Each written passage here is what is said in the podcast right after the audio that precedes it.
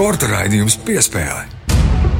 Latvijas radio pirmā kanāla sporta raidījums piespēle. Kārtējā svētdienā esiet sveicināti studijā Mārtiņš Kļavnieks un uh, Mārs Bergs. Sveiks, Māri! Sveiks, Mārtiņ! Sveicināti klausītāji! Esam atpakaļ uh, jūsu radioaparātos vai arī kādās citās iekārtās. Pasaules kausa basketbolā sākās 25. augustā. Māris, domāju, tu to atceries ļoti labi. Tas bija uh, varens skrējiens līdz pat 10. septembrim, bet kādu laiciņu tas jau ir noslēdzies. Latvijas piektā vietā atzīmēta pie brīvības pieminekļa, lai gan komanda komandas kapteinis Dairis Bartāns uzsver, ka tā nav atzīmēšana, bet vienkārši pateikšana paldies no komandas puses līdzjutējiem. Bet uh, mēneša pēdējā svētdienā Šodien mēs vēlamies rezumēt pasaules kausa basketbolā, gan Latvijas izlases sniegumu. Tieši neskatīsimies uz tiem, kas vēl tur spēlēja, bet tieši uz latviešiem un kā viņiem gāja. Jā, nu šajā nedēļā arī divi no Latvijas izlases dalībniekiem ir devuši iemeslu mums šajā reizē runāt atkal par basketbolu. To mēs krietni vairāk apspriedīsim tātad nedēļas topā.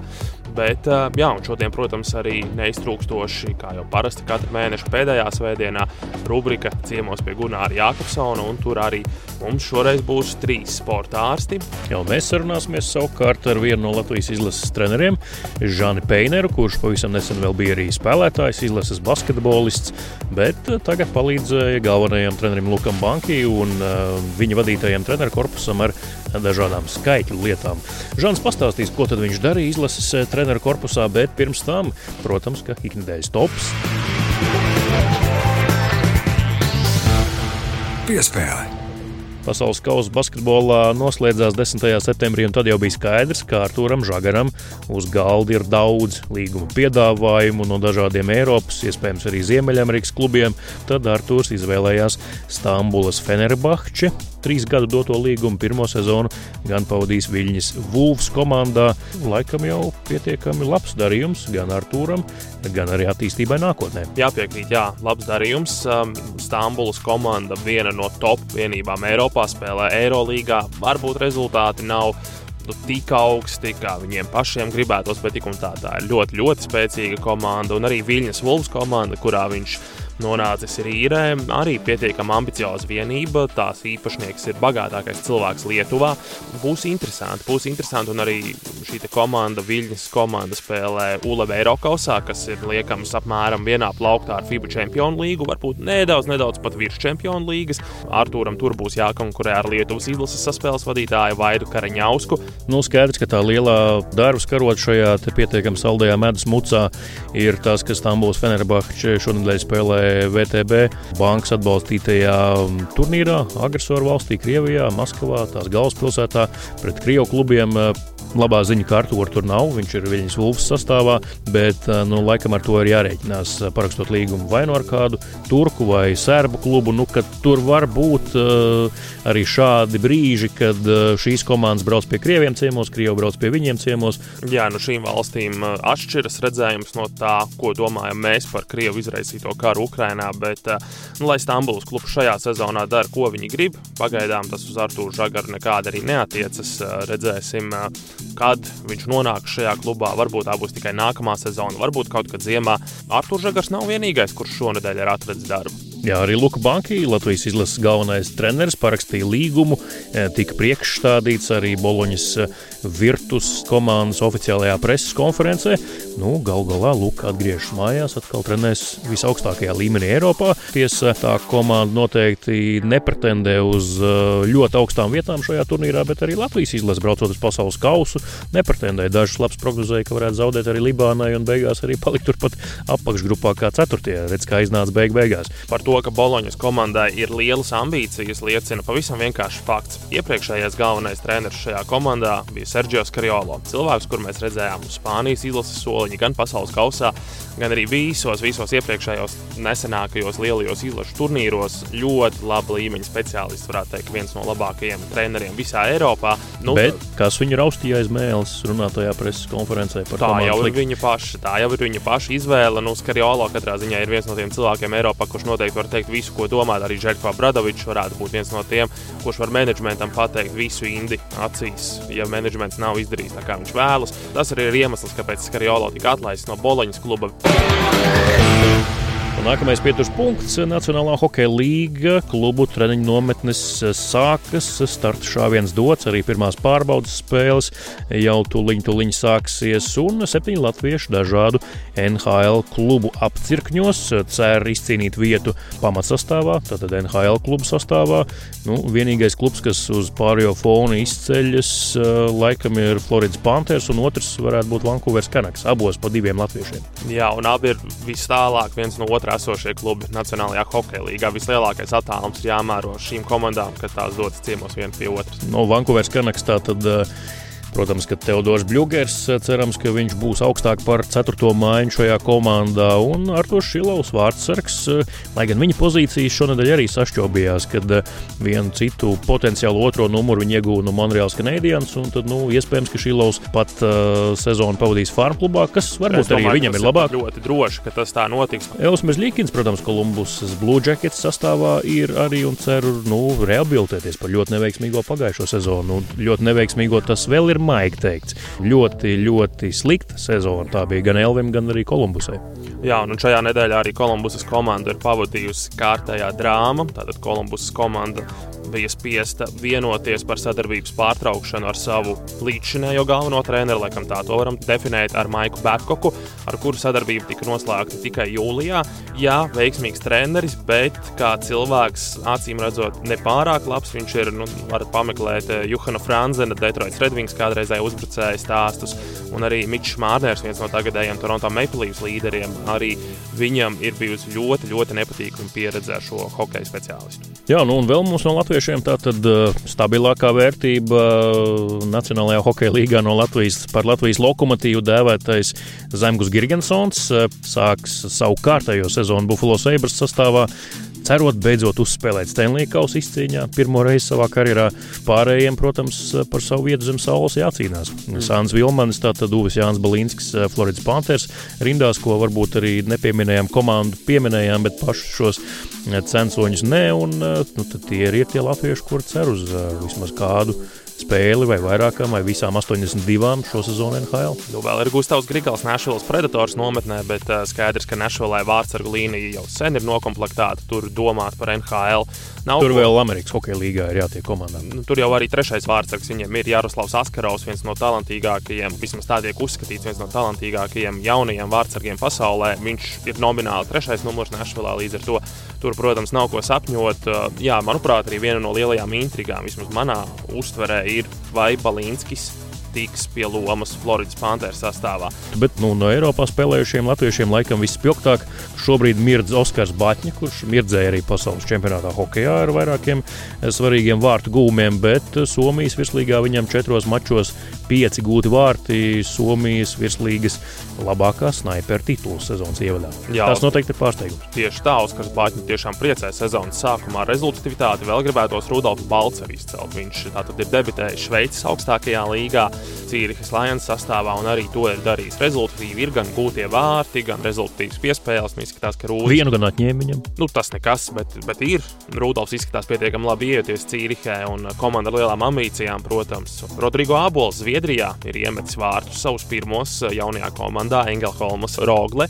Un pret ko? Pret Orebro komandu mazākumā. Mēs liekam punktu hokejam un dodamies tālāk pie pasaules sporta karaļa futbola. Piespēle! Par futbolu kā spēli šobrīd mēs gan nerunāsim šajā pieturpunktā, bet par uh, vietu, kur spēlē futbolu. Ir vajadzīgs stadions. Latvijā akūti tas ir vajadzīgs nu, jau vismaz desmit gadus, ja ne vairāk. Latvijas Futbola Federācija domājas, ka varētu arābu naudu piesaistīt, uh, apvienot Arābu Emirātu investoru. Tad nu, viņš arī varētu Latvijai beidzot uzcelt šo stadionu. Jā, nu šis investors arī katrā ziņā vismaz izklausās gana nopietns, jo viens no viņa projektiem ir uh, slavenais Buļbuļsaktas tornis, kas atrodas apvienotajos Arābu Emirātos, pasaulē augstākā celtne šobrīd. Bet uh, mēs ar tevi esam arī aizkadrā apspriedušies, ka šis ir jautājums, kuru vajadzētu mazliet, mazliet vairāk papētīt, jo skaidrs, ka arī arābu investori ar naudu gluži apkārtnē mētājas, un viņi ar to kaut ko vēlas iegūt, vienu vai otru lietu, vai tā ir peļņa vai kaut kas cits, bet kaut ko viņi no šī visa beig beigās vēlas. Jā, nu mēs varam tikai filozofēt, kas tas varētu būt, ko Rīgas doma vai Latvijas valsts, ja ir apsolījusi, tad ir apsolījusi viņiem, varbūt vēl nav apsolījusi. Bet, bet droši vien, ka paraksti, cik es saprotu, vēl nav likti ne uz kādiem papīriem. Pagaidām, laikam, bija šonadēļ tikai oficiālās tikšanās ar Rīgas mēru Vilnu Čirs no jaunās vienotības, tāpat arī ar uh, finanšu ministru Arvilu Ašerādi no jaunās vienotības. Bet tās, laikam, jā, pagaidām ir tikai sarunas. Bet kas varētu būt tas, kas arābu šeit interesē? Nu, ko viņi te var iegūt? Painteresēsimies, par ko vispār ir runa. Pašas futbola federācijas izplatītajā paziņojumā ir norādīts, ka šis investors vēlas uzbūvēt stadionu, lielu futbola laukumu, kur var notikt gan liela sporta pasākumi, liela kultūras pasākumi. Jautājums, protams, ir par to, ko mēs vispār saprotam ar vārdu liela sporta pasākumu, liela kultūras pasākumu. Vai tie ir pasaules līmeņa koncerti, pasaules līmeņa sacensības, vai tas ir kaut kas mazliet, mazliet mazāks. Stadions ir laba lieta, tas Latvijai ir akūti vajadzīgs, bet pašā pamatā tas jau nav nekas slikts. Nu, ja mēs šeit, savā iekšzemē, pienācīgas investīcijas nevaram jau gadiem atrast, un nav neviens, kurš šo projektu varētu kaut vai pakustināt kaut kādā tādā taustāmā virzienā, kaut vai līdz pāļu dzīšanai vai zemes atrašanai, tad eh, nu, jā, nu, ņemam to ārzemju naudu, kas ir gatava šeit ieplūst. Bet ir jāzina noteikumi tā, lai pēc tam, nu, kā saka, šiem investoriem nepieder pus Latvijas apmēram. Jo nu, nebūsim naivi, neviens ne ar kādu labdarību nenodarbojas. Un, lai arī Arābiem un arī apvienoto Arābu Emirātu šiem investoriem naudas ir vairāk kā vajag, bet arī viņi šo naudu tomēr grib likt lietā lietarīgi. Sekosim līdzi, kā šis process turpināsies, vai tik tiešām tiks parakstīts kāds uh, dokuments, un varbūt pat drīzumā sāksies stadiona celtniecība. Kas to lai zina?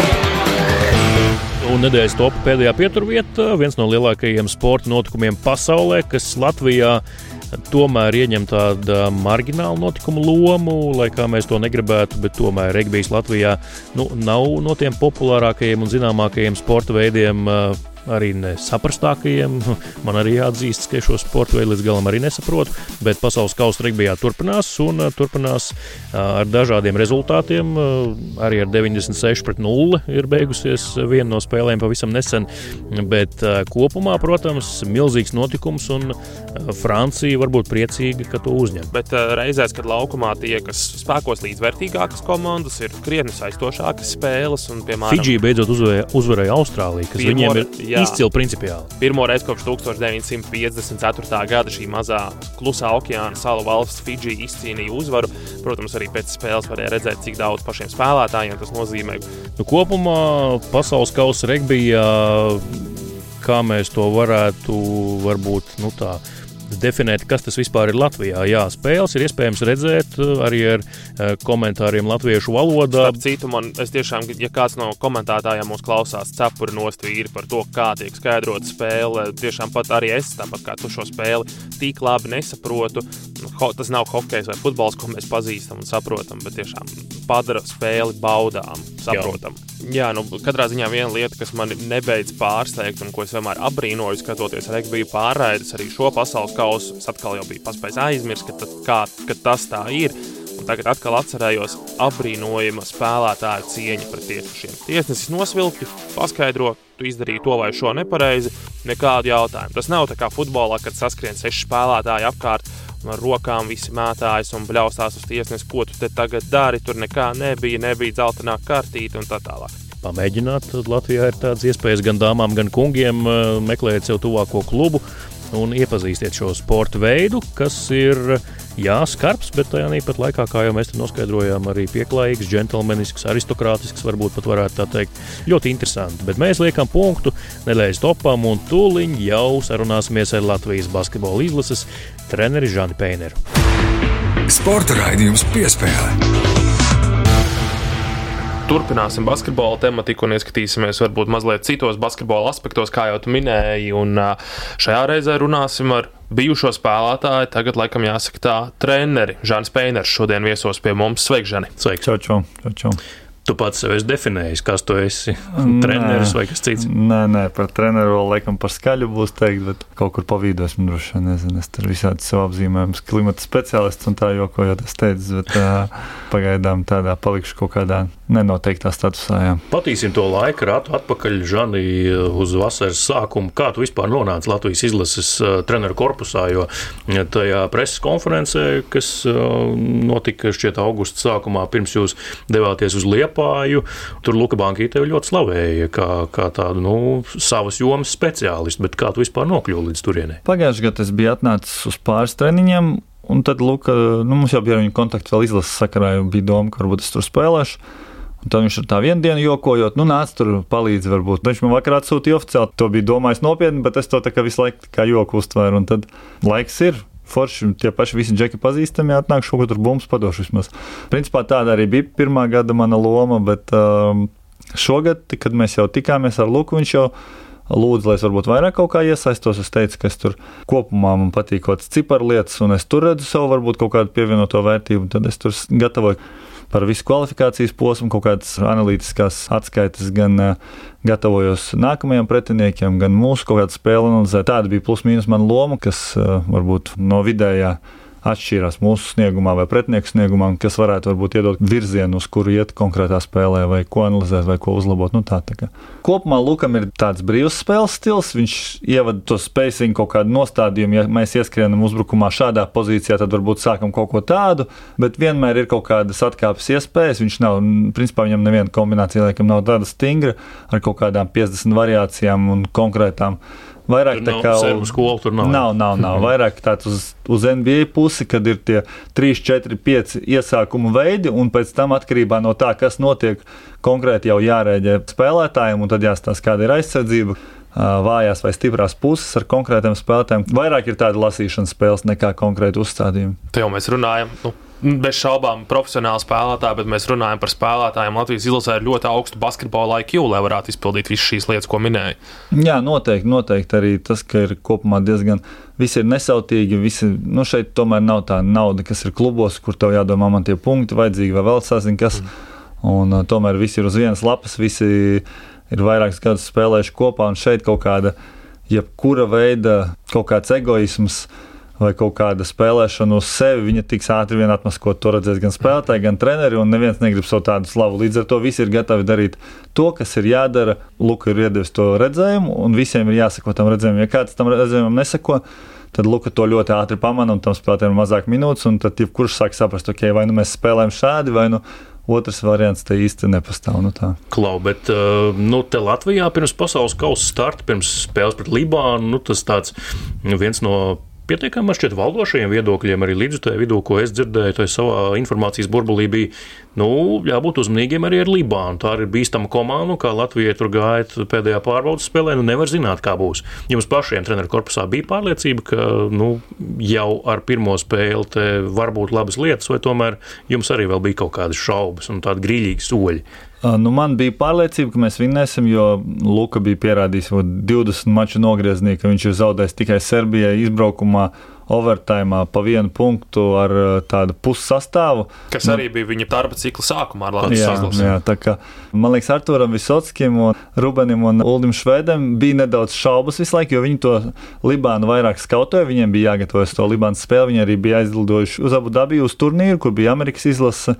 Tad, kad jau tur katru dienu skaties to pretinieku, tur skaties tās labās, tur kaut kādas epizodes, viņam bija licies, ka tā izlase būs beigas spēcīgā.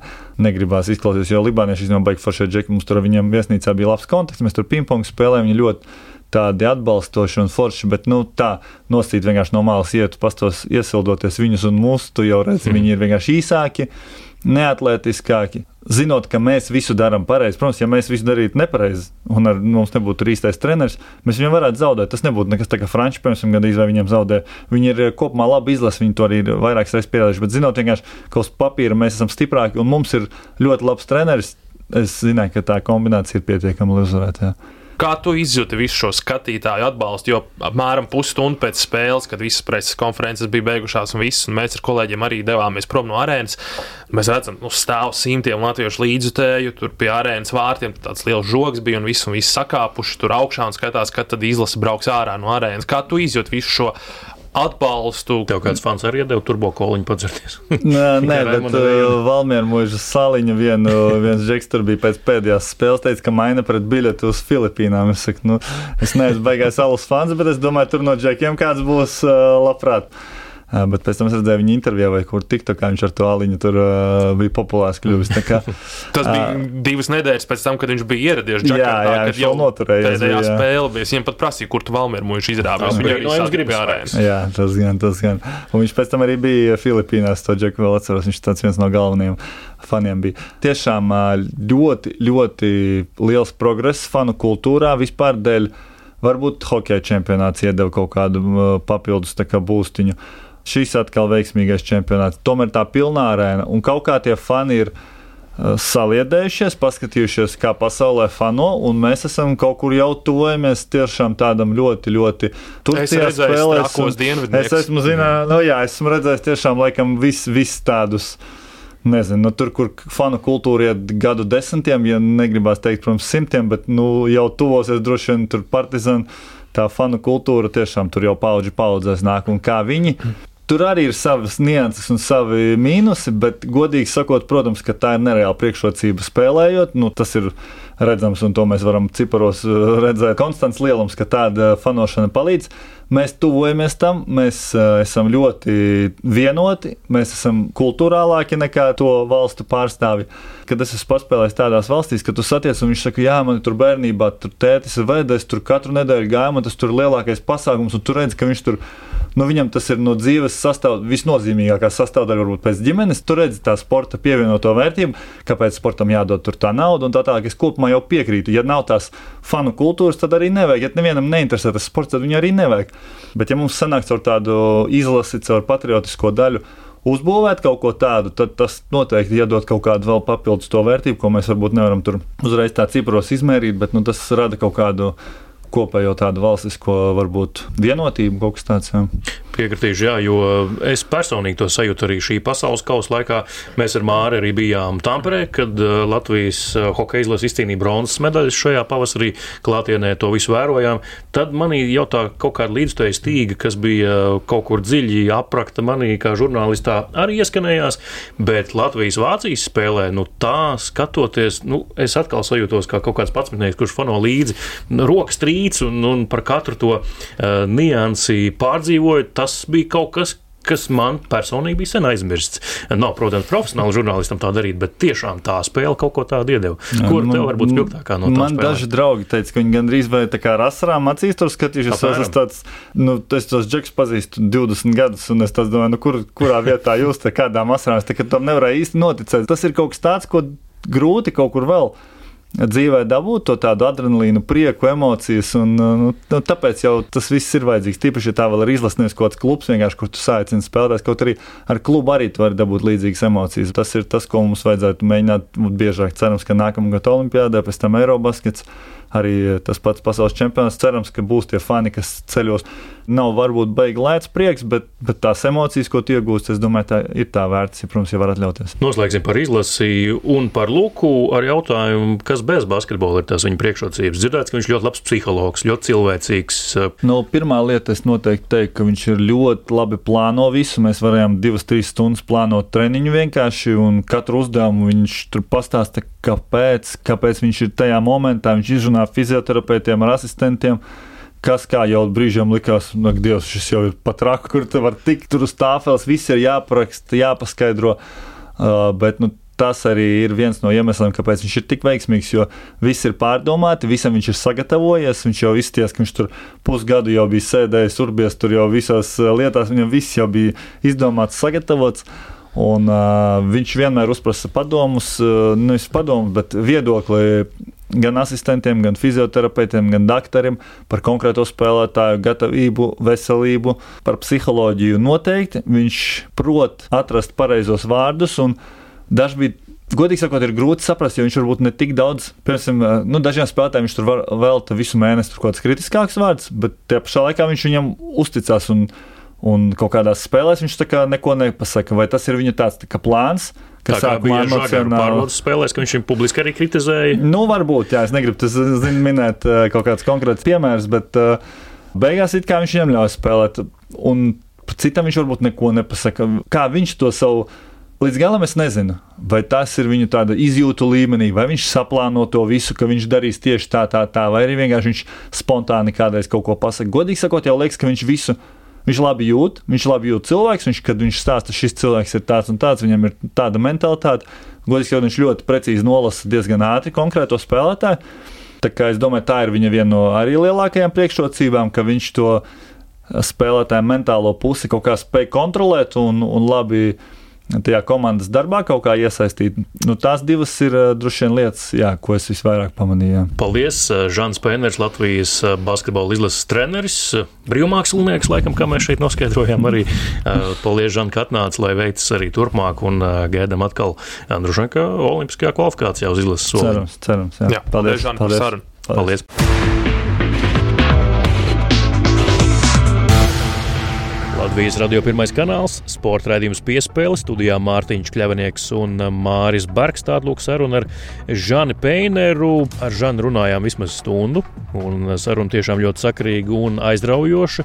To meklējiet arī Latvijas radio lietotnē, arī raidierakstu vietnēs jau nākamnedēļ pilnā garumā. Bet tagad gan mums ir laiks ikmēneša rubrikai ciemos pie Gunāra Jākapsona. Un kas pie Gunāra šodien ciemos? Pie Gunāra šodien būs ciemos trīs pieredzējuši sporta ārsti, bet ļauj ļausim Gunāram pašam tātad pieteikt savus viesus un klausāmies viņa sarunu. Ciemos pie Gunāra Jākapsona. Sports tas ir mūžīgais dzinējs, kur viss allaž turpinās. Mainās sporta veidi, sacensības, nomainās paudzes, bet sports ir bijis un būs vienmēr Taču tie nav tikai sportisti, komandas treneri, tiesneši, fani, bet arī tā saucamais apkalpojošais personāls. Man gribētos teikt, balsta dienests, tostarp medicīniskais personāls, arī sporta ārsti. Un šodien mani ciemiņi ir trīs sporta doktori. Divi no viņiem šo darbu veic jau vairākus gadu desmitus, un ir mani seni draugi. Sijā sporta medicīna viens ārsti Āris Aivars un Dakšs Čuda. Un jaunās paudzes speciālists Latvijas Basketbola Savienības sporta ārsts Mārtiņš Pulveris, kurš nesen atgriezies no pasaules kausa izcīņas basketbolā. Labdien, vīri! Sveiki!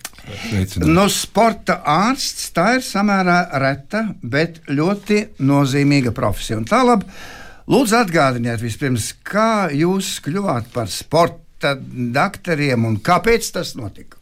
Tas bija ļoti interesanti. Tāpēc, es pats nodarbojos ar sportu, volejbolu. Es jau biju kaut kur 9. un 10. klasē, tur Latvijas izlasē spēlēja jauniešiem. Tā, tā. Bet es sāku tā domāt, nu labi, kas man būs pēc tam, kad es teiksim, to sportu finišēšu. Tad tas būs 25, 30 gadi, ja, un kas es būšu. Kaut kā gadījās tā, ka manas māsītes vīrs man saka, klausies, Tartu valsts universitātē ir tāda nodaļa kā sporta medicīna. Ej, taču uz turieni studēt. Un es paņēmu un aizgāju. Un tas, vienmēr sakot, man deva tā, tik liels priekšrocības, ka faktiski sports, kas man patīk, es viņam varu palīdzēt pirmam kārtam, un otram kārtam es viņam esmu pat līdz šim brīdim iekšā savos, teiksim, 69 gados. Vēl. Doktor gāja cauri Tartu. Ne? Jā, es arī beidzu Tartu valsts universitāti mazliet ātrāk nekā Dr. Saivars. Bet no, nu, tas ceļš jau tiešām ir tieši tāds pats bijis. No, no mazotnes vai ne visu laiku es gāju sportam, jo mums jau nebija tāds izklaides cits. Mēs nesēdējām pie telefoniem, mēs katru brīdi kaut ko darījām. Vasarā futbols, basketbols, ziemā hokejs. Un vēl palīdzēja tas, ka manā māsā arī pēc profesijas bija doktora. Līdzīgi kā teica doktors Aivars, nu, tomēr tajā sportā nu, treneris sev neredzēja. Jā, Mārtiņ, jums ir tādas ģimeniskas tradīcijas, cik es saprotu. Taču Mārtiņam Fāters ir Dāga vienā kursā mācīja. Ah, nu lūk. Fāters gan bija ķirurgs. Nu, tā bija profesija arī, uz ko es biju iecerējis tēmēt pašā sākumā, bet tā mm. ķirurģija kaut kā man līdz galam sirdī nebija tuvu. Un pats pirms sāku studēt, minos daudz riteni, tur bija daudz laika domāt. Tā arī izdomāju, ka tomēr sports tuvāks. Un man bija tas gods sākt arī studēt Latvijā sporta medicīnu, mm -hmm. kur jau tajā laikā bija atjaunota nu, vai aizsākta. Savā gadā gan bija vienīgais. Nebija tā, ka bija daudz rezidentūras biedri. Jā, viens pats bija, nu, bet bija rīcības brīvība attiecīgi. Vēlējos kādu ciklu sarunāt Olimpiskā vienībā, varēja tur tikt un mācīties no labākajiem, tāpat no Aivara, no Daga. Viņi bija mani skolotāji. Jā, bet pagaid, cik es atceros, tu savu doktora dzīves saistīsi ne tikai ar sportu, bet arī ar baletu. Kādas ir tās atšķirības vai līdzības baletam, piemēram, un futbolam? Baletam redzēt tādu lietu, ja, kad ja tu strādā pie baleta tad tu nevari, teiksim, uzlikt teipu ceļgalam, nolīmēt kaut kur plāksteram, ja kaut kāda vaina ir. Jo nevar iznākt mazais gulbīts dejot ar, teiksim, ortozu uz ceļgala. Nu, ja tev ir mediālā saite, pa, varbūt pat drusciņi grūtāk, tāpēc, ka tev nav iespēju, variantu iespējas. Tas arī faktiski viss. Nu, ja paliekam pie trim sporta veidiem, turklāt populārākiem Latvijā, tad, nu, kurš no tiem ir pats traumatiskākais? Kā jums šķiet katram. Simt punktu hokejs. Jā, hokejs vispār tā statistika norāda uz to, ka hokejs tomēr ir vistraumatiskākais. Nu, es nezinu, kā citos sporta veidos, bet starptautiskā futbolā statistika ir ļoti, vai ne? Tas skatās visas čempionu līnijas komandas 12 gadu griezumā un tā tālāk, lai tiktu skaidrībā, jo tur tās kājas ir dārgas lai būtu profilaks, pareizā ārstēšana, un tad jāzina tie iemesli, kāpēc mm. viss tas notiek. Kā Mārtiņam šķiet? Vienīgi regbija vēl var piebilst. Livonijas klubs ah. nāk pie manis attiecīgi. Nē, es vakardien paskatījos pasaules čempionātā. Kas tur notiek? Ah. nu, modernais sports bez traumām, protams, neiztiek. Bet eh, kā labi tomēr mm, ir sportisti, kas traumējas bieži, un ir tādi, kuri kaut kā tiek cauri tā vieglāk. Kā jums šķiet, Mārtiņ? pārāk daudz faktoru, kas jāņem vērā, lai, lai pateiktu, kāpēc viens traumēs bieži. Nu, tas jau var būt uh, negadījums traumēties, ja kāds cits tev ieliec kājās futbolā, jo tu vienkārši biežāk raujies uz tiem vārtiem, ja, ja tu pats satraumējies regulāri. Droši vien kaut kas nav koordinācija, kā vajag. Jā. Arī no svara tas, kādā pozīcijā tu spēlē vai atrodies. Nedomājies, ka šķeļa to ripu pa vārtiem un tu bloķē to metienu. Ja? Aizsargi bloķē. Tas ir tā kā mest ar akmeni pa tevīm, bet nu, pat drusciņi vairāk. Tas ātrums ir 140, 150 km/h. Jā, es to piekrītu. Jā, jā, tas ir pareizi, ko tu saki, bet uh, atceries, Helmuts savulaik gandrīz visu savu karjeru nospēlēja bez, bez būtiskām traumām. Kāpēc? Nu, ir, ir jau tāda Astāfjevs, kas ir Latvijas izlase. Viņam vispār Eh, visu to karjeru, kad viņš sasniedz rekordu 156 spēles Latvijas izlase, Eiropas rekords. Viņam principā nebija traumu, tīradnes. Varbūt arī teiksim, iedzimtība un tā tālāk. Ko mēs aizvien pēdējā laikā redzam, tās slodzes ir tiešām lielas. Vienmēr trenētība ir uz pārslodzes robežas. Labs aerobāts, spējas izturība, spēks un tā tālāk. Bet otrais rodas tas šķērs vai ne ar kustību balstu aparātu. Un viss trakākais, kā norādīja, saistāvties. Saistāvot neiztur to slodzi, kas tiek dota treniņos. Nu, tu varēsi paskaidrot, mārciņš vai nenoporziņš, plantārais fascīts. Tā ir uh, saistāvta saslimšana. Pārslodzi, pēdas vēl. Uh, Nu, pārslogot, viņi izmainās pēc savas struktūras, un tas prasa laiku, lai izmainītu treniņu procesu un tā tālāk. Jā, nu mēs visi joprojām baudām to prieku, ko mums sagādāja pasaules kausa debitanti, Latvijas basketbolisti izcīnot prestižo piekto vietu. Taču nepalika nepamanīts arī tas atbīrums, ko jau sāk Dāga minēt, kas saistīts ar dažādām traumām. Lūk, strēlnieks, un Lomačs, un Porziņš, tas pats Bertāns, vēlāk Timma, Pastičnieks. Nu, kā labi tik garš bija šis savainoto saraksts beigās? Mums ir to spēlētāji tik, cik ir. Un, attiecīgi, daļa no viņiem vienmēr būs traumēta, lielākām, mazākām kaut kādām problēmiņām. Vienmēr jūs sakāt. Jā, Praktiski vienmēr nebūs tāds brīdis, ka mums būs pieejami 30 pilnīgi veseli spēlētāji, lai varētu izveidot tādu saka, atlases nometni, no kuriem tad izvēlēsimies 12 pilnīgi, pilnīgi veselos. Tā nebūs nekad. Vai nu tas spēlētājs ir kaut kā izteikti talantīgāks par pārējiem, viņam arī tikpat labi kaut kāda traumiņa vilksies līdzi, ar kuru mēs tāpat viņu ņemsim, jo viņš ir savā pozīcijā, teiksim, labāks. Riskēsim. Nu, Lūk, Banki teica, ka basketbols ir kļūdu spēle. Bet vai tad ārstam ir tiesības kļūdīties?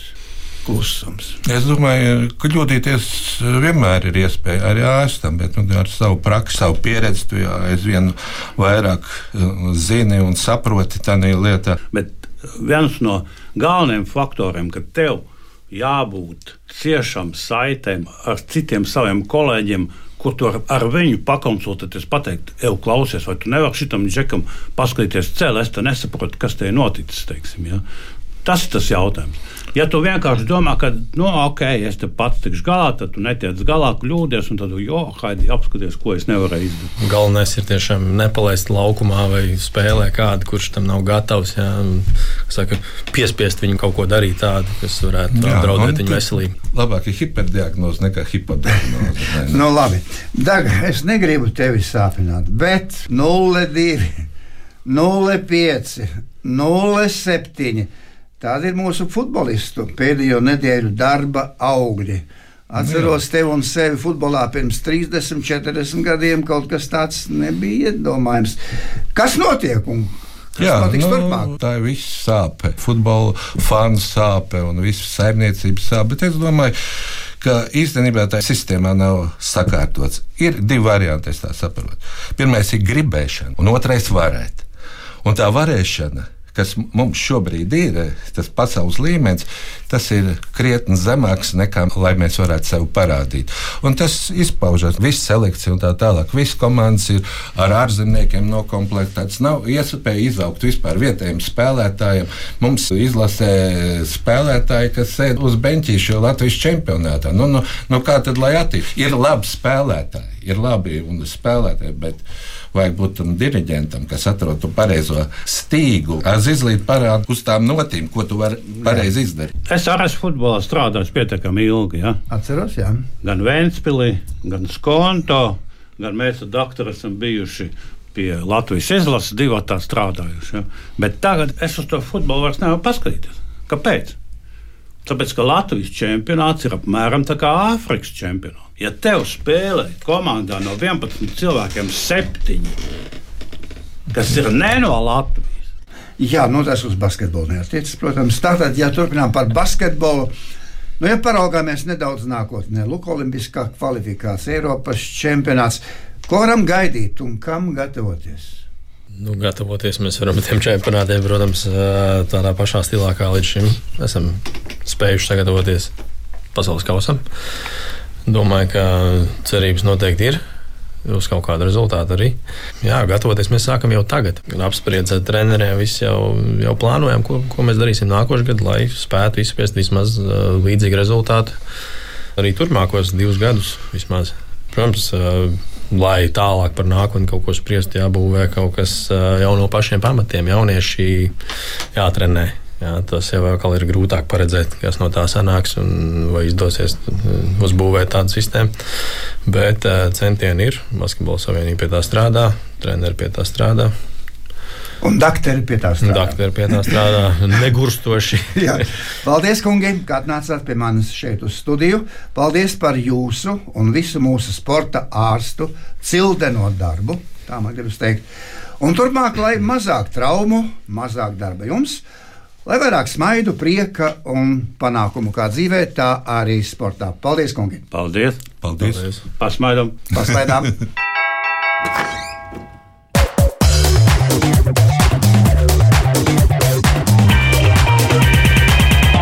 Latvijas radio pirmais kanāls, Svētdiena, raidījums piespēle studijā Mārtiņš Kļavnieks un Mārs Bergs. Tāda lūk, Gunāram saruna ar trim pieredzējušiem sporta ārstiem. Un līdz ar to mēs arī liekam punktu gan šim raidījumam, gan septembrim, gan arī pasaules kausam basketbolā. Jā, varam teikt, ka komandas sporta veidos sākas tā saucamā ziemas sezona, sākas klubu sezona, arī Latvijas-Igaunijas basketbola līga jau pavisam, pavisam drīz iet vaļā. Starp citu, Igaunijā jau ir sākusies, Igaunijas klubi jau sāk spēlēt. Un Lat... nedēļa pirms latviešiem. Jā, latvieši iesaistās nedaudz, nedaudz vēlāk. Un, tā, tad tie joki par lēniem igauniem laikam vairs nestrādā. Paskatāmies uz igauniem rallijā un vēl vis kaut kur kāda lēna igauņa. Viņiem viss ir kārtībā. Varam pačukstēt, ka plānā oktobrim mums ir kaut kas ļoti, ļoti aizraujošs, dinamisks, ātrs, daudzveidīgs, varbūt arī vēl neie, neiepazīts. Liela augstumi, liela ātrumi, daudz kas interesants nākamā mēneša raidījumos, bet, protams, iesim soli pa solim, nedēļu no nedēļas, klausieties raidījumu piespēlēt piespēli gan Latvijas radio viens ēterā, gan, protams, meklējot arī Latvijas radio arhīvā un arī labākajās, populārākajās raidierakstu, ja podkāstu straumēšanas platformās. Arī tur, protams, piespēli var atrast. Bet šajā svētdienā mēs sakām jums paldies par klausīšanos un tiekamies jau pēc nedēļas, kad oktobris jau būs pieklāvējis pie durvīm. Vislabāk! Sporta raidījums piespēlē.